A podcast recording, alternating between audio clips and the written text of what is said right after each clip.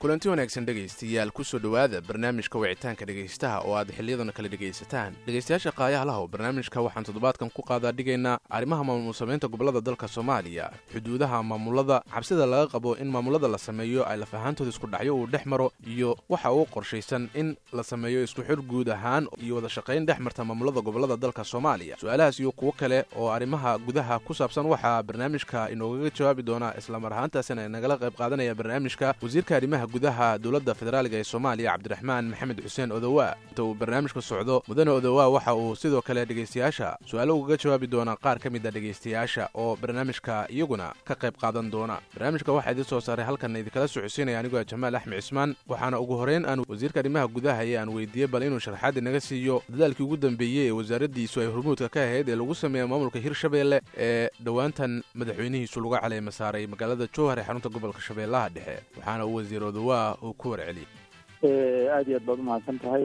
Adiga iyo dhegeystayaasha v o a. Federaaleynta dalka waxaa lagu heshiiyey dowladdii imbagati lagu soo dhisay ee laba kun iyo afartii in dalka federaal laga dhigo. Federaalka iyo qaybaha ay isku raacayaan iyo nooca ay isku raacayaanna dastuurka qayba ka xusay. Samaynteeda dabcan puntland iyo somaliland oo ka horreeyey samaysanka maamulada iyo nidaamyada cusub. Markii laga tago dadkan kale ee koonfurta iyo bartamaha soomaaliya jooga muddo dheer bay ku qaadatay inay ay aqbalaan. Federaaleynta dalka afartii sano oo hadda madaxweyne xasan sheekh oo xukunka joogay laakiin waxaa lagu guuleystay in afar dowlad goboleed la dhiso. Jubbaland koonfur galbeed galmudug iyo hadda hirshabelle ay u dambeyso shaqooyinka dhiman oo aad iyo aad bay u badan yihiin.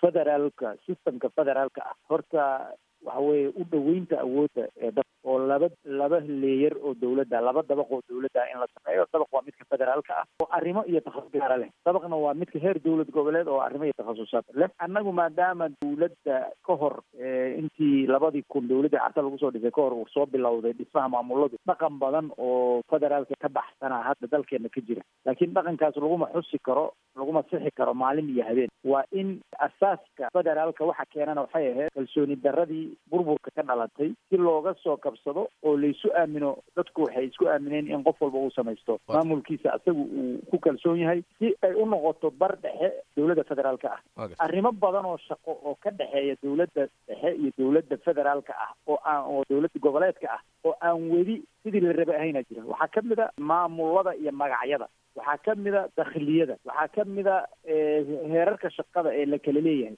arrimaha amniga hadda masalan militariga heerkee uu leedahay dowladda federaalka dabca ayada asagaa leh amniga oo booliska meeqaa federaal ah meeqaa dowlad goboleed ah meeqaa tuula dabcan qaybtaas qayb dhiman oo dakhliyada see loo wadaagaya dekedaha iyo eerboorada xuduudaha ah ee dowladda federaalka say gacanteeda ugu jiri karaan ay uga soo bixi karaan dowladaha goboleedyada. Waxaasoo dhan marka waxay ku iman karaan in la wada hadlo. Dastuurka waa ku qoran yihiin laakiin de dastuurka wuxuu rabaa in aqbalaad oo laysla aqbalo dadka soomaalida isla aqbalaan oo oo wixii la fuliyo. Maadaama marka ummad burbur aan ka nimid aan nahay kalsooni daradaas baahsanna ay jirto. Waxaa loo baahan yahay in loo dhigriyo loo tartiibiyo oo is-aqbalaad ay ku jirto. Taasuna waa midda runtii madaxweynaha uu bilaabay oo arrintan ku saabsan madasha hogaamiyaasha qaranka ee uu sameeyey sannadkii la soo dhaafay arrimaha doorashada iyo arrimo kaloo badanba. Soo xalisoo soo fududaysay oo sahna oo wadar ogol ah aan ku soo gaarnay maanta meesha aan joogno. Marka waxaan is leeyahay shaqada qaybo badan baa dhiman qaybana waa qabsoomeen dabcan qaybaha dhiman waxaa ka mid a waddanka waxaa loo baahan yahay laba kun iyo labaatan inuu qof iyo cod gaara. Si loo gaaro arrintaas waa in heer degmo maamulka laga dhisa waa gartay. Aqalkii hoose ee degmada waa in la dhisaa. Waxa city councilka loo yaqaano degmada gobolka oo dowlad goboleedka ah iyo heer federaal saddexdaas markii aan yeelanaa waxaan aadi karnaa in lagu aamini karo sanduuq in la dhigo. Meeshaas oo ay noqoto dadkaasi dad la yaqaan tira kooban maamul leh nidaam leh shaqadaas marka shaqo oo dhow ma aha laakiin shaqadii hore oo ahayd haykel xamar inta laga qaado kismaayo la geeyo cadaado la geeyo jowhar la geeyo baydhabo la geeyo garowe la geeyaa laga shaqeeyey hadda hadda waxaa laga rabaa in laga shaqeeyo waxay tahay in garowe laga qaado oo tuulooyinka iyo degmooyinka la geeyo. Waa tahay aad baad mahadsan tahay dadka idin dhaliilaya ee laga yaabee idinkuna inaad la socotaan dhaliishaas ama xanta qaar ee jirta ayaa ah in mararka qaar aad dowladdii federaalka haddaa aad tihiin aad xoogga saartaan sidii maamul uun mar uun dhisa aad u samayn lahaydeen laakiin dana badan eedan iska gelinin dadka deegaanka rabitaankooda iyo waxa ay doonayaan. Tusaale ahaan maamulkii galmudug oo kale hadda markii la sameeyey kadib ilaayo hadda wuxuu ka dhaqaaqi laayahay magaalada cadaado oo xarun kumeel gaar u ahayd oo dhuusamareeb uu tegi laayahay. Maamulkan hadda hirshabeelle oo arikiisu muddo uu soo jiitamayay isaguna dad badan ayaa shaki ka qaba in uu la mid noqon doono galmudug oo kale hadda. Marka dhaliisha noocaasi oo kale iyo dadka sidaa u fekeraya maxaad ku qancin kartaa oo aad u sheegi kartaa wasiir? Waxaan ku qancin karaa un u sheegaya horta su'aasha ugu muhiimsan waxay tahay haddaan maamul horta waxa khilaafka keena waa in wax la dhiso. Haddaan wax la dhisin waxba ma laysma khilaafeen. Qof fadhiya lagdan la fudud weeyo shaqada in la qabto banaanka indaa iska fadhiisto waxba aan la qabanin laysma caayeen waxa laysku caasisayo oo laysku caasinayo o laysku caanayo waa inuu dhaqaaqi jiraa. Horta number one qodobka koowaad waa in maamul la dhiso. Maamulkaas la dhisayo maadaama dal burbur ka yimid aan nahay dad badan baa danahooda ka weyni. Taarikhiyana baan u diraasayo maalin dhaweed u sheegay waraysi aan ka bixiyey television. Somaliland markii la dhisay ninety one. Waa ka warhaysaa mar alaaliya markii cigaal la doortay dagaalla sukayaa ka dhacay. Burco hargeyso qaybo kamida yaroowe waa la isku dagaalay laakiin maadaama maamul iyo nidaam uu jiray waa laga soo kabsaday. Puntland waa ka warhaysaa cabdullahi yuusuf iyo ismaan jaamac ali jaamac iyo iyo cade ruuxiisa. Midday soo socdeen in maanta ma jirto maanta puntland cod baa lagu kala adkaadaa muddo dhan stabilitygeeda iyo istiqraarkeedu. Jubbaland markii la sameeyey dad badan oo geda joogaa dacwo ka qabay hadda maanta waxaan ka waraynaa in inta madaxweyne axmedoobe la fadhiistay dadkii la hadlay dawladda wax laga siiyey ay intii ka fog ka dhow yihiin.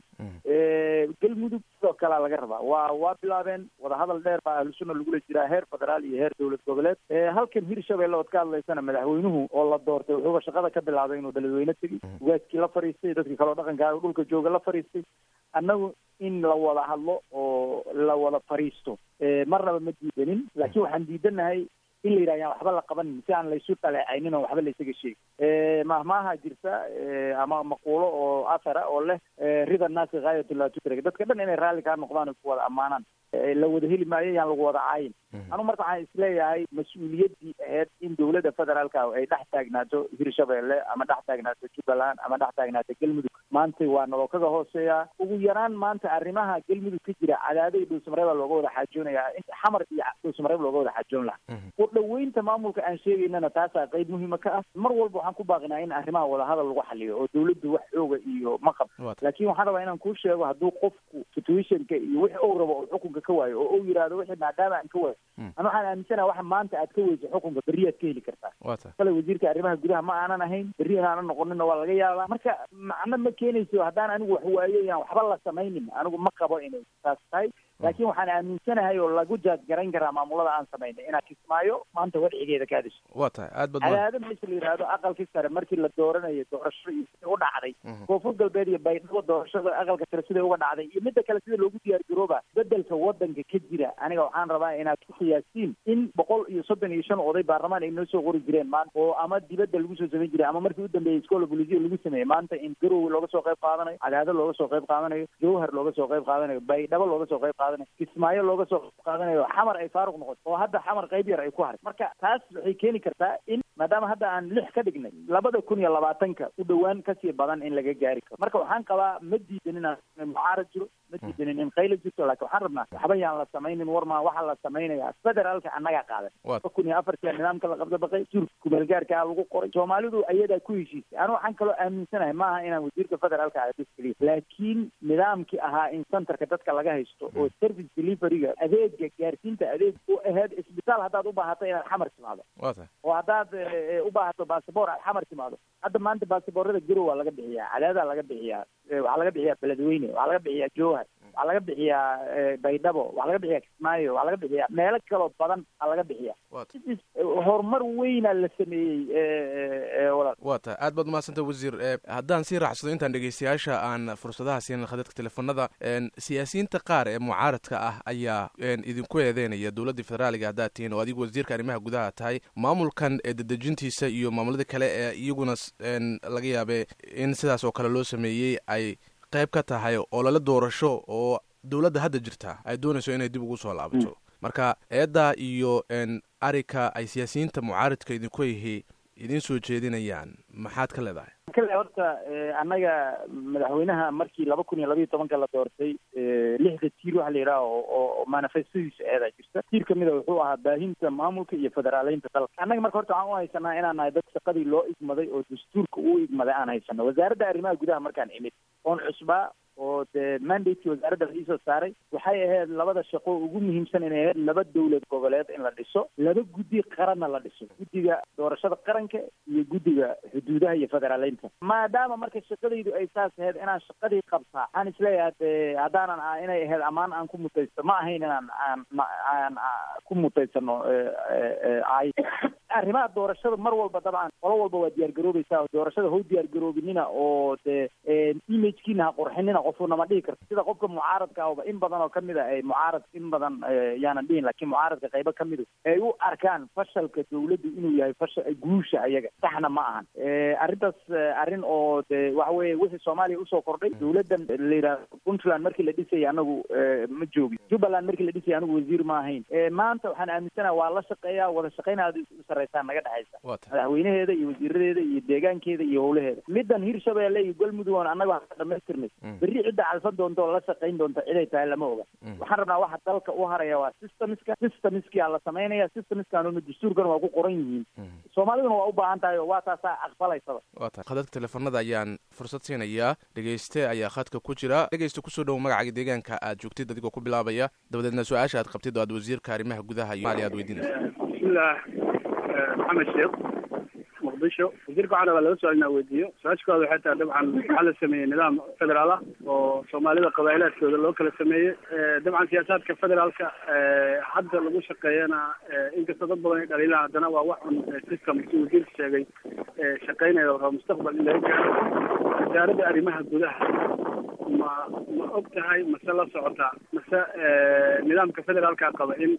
canshuurta transmataalaha la yihahdo ama canshuurta waddooyinka gaadiidka laga qaada. In maamul goboleedadana ayaguna gooni u qaadan karaan dowladda dhexena gooni u qaadan karto tusaale oo kaleeto gaarigan xamar ku wataa markaa magaalada ka baxo asinka dheer dhaafo dabcan waxaa la weydiinaya waa canshuurtii waddooyinka marka taas waa mid midda labaadana waxay tahay inaan weydiiyo. Badan oo aniga aan ka mid ah waxaan waxaan ahay dad aaminsan in yani maamulka wasiirka u yahay wasiirka odowa in maamulo gooniya sida galmudug iyo iyo iyo iyo hirshabelle ay si toosa gacanta uga hayaan maamulada kale umalaysa in aysan yani galangal ku lahayn. Marka see loo dhigi karaa marka maamul federaalka oo dhan dowladda hoose ay dowladda soomaaliya ayaa aya ayaa gacanta ku hayso maamuleyso. Mar haddii aan aragno inay ay mashaariic iyo iyo fudeydka iyo maarata galangalka ay kuleeyihiin galmudug aysan kulahayn puntland ama koonfur galbeed ama jubbaland wat waad mahadsan tahay wasiirkan uu ku maqlaya aad iyo aad waa mahadsan yahay aad buu mahadsan yahay. Su'aasha koowaad horta waa anigii ka warramayo hadda lahaa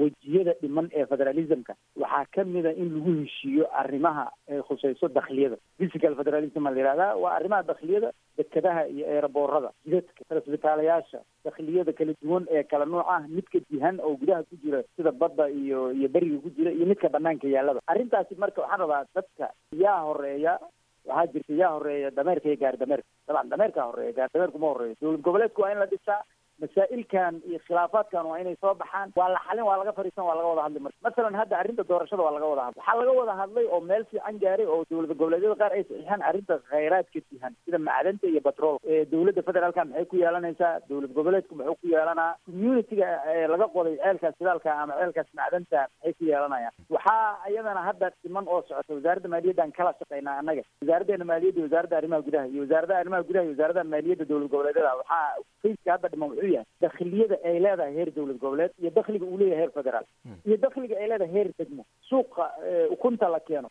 Dowladda federaalka ma malug bay ku leedahay mase ukunta iyo yaanyada iyo caanaha iyo qeyb waxaa leh degmada wax ku xigoo dukaamada iyo canshuuraynta iyo guryaha iyo waxaa le gobolka highwayiska iyo eerboorada iyo dekadaha iyo waxaa le dowladda federaalka. Warkaas waa warka hadda gacanta lagu hayo la qorayo oo la rabo in lagu heshiiyo wakti bay u baahan tahay marka. Hadda waxaama ku mashquulsanaa horta dowlad goboleedka in la dhiso.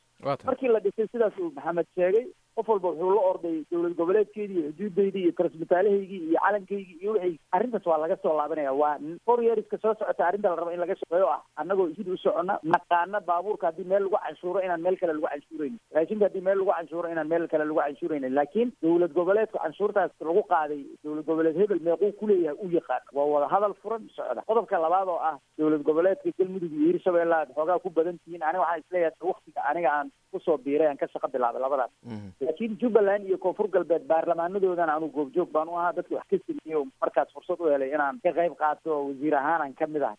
Marka ismalihii de hadduusan walaalkay ka wadin qabiil ahaan kama soo jeedaan ismalihi nidaam ahaan waa isdiidanahay isma ismalihi dhammaan dadku arrimahan waa la isku waafaqsan yahay waana arriman la xiriira dowladnimada. Dowladnimaduna waa koraysaa oo soomaaliya labadii kun sidii loosoo bilaabay. Ilaa hadda meel burburaha laga yimid waa la korinaya waa koraysa. Wa ta. Aadaad umahadsan tahay dhegeystayaashan ayaan mar kale fursad siinaya haddaan hal su'aal kale sii raacsado. Dad badan ayaa walaaca ka qaba marka ay timaado maamuladan oo aan xuduudihii iyo wixii aysan qeexnayn oo laga yaaba in dhibaatooyin ay ka dhex dhashaan sida galmudug puntland oo kale aan aragnay marar badan ay ku dagaalameen gaalkacyo. Hadda hirshabelle ayaa la sameeyey. Marka walaaca dadka ay qabaan in isku dhacyo dhinaca xuduudaha ku salaysan ay dhacaan. Maxaad arrinka idinkaga qorshaysan oo aad ku doonaysaan inaysan dhicin dhibaatooyin waxaan is leeyahay horta arrinta magaalada gaalkacyo arrin ka bilaabatay federaaleynta ma aha waana ka horreysay xalkeeduna waa ka duwan yahay oo ma aha xuduud yamaane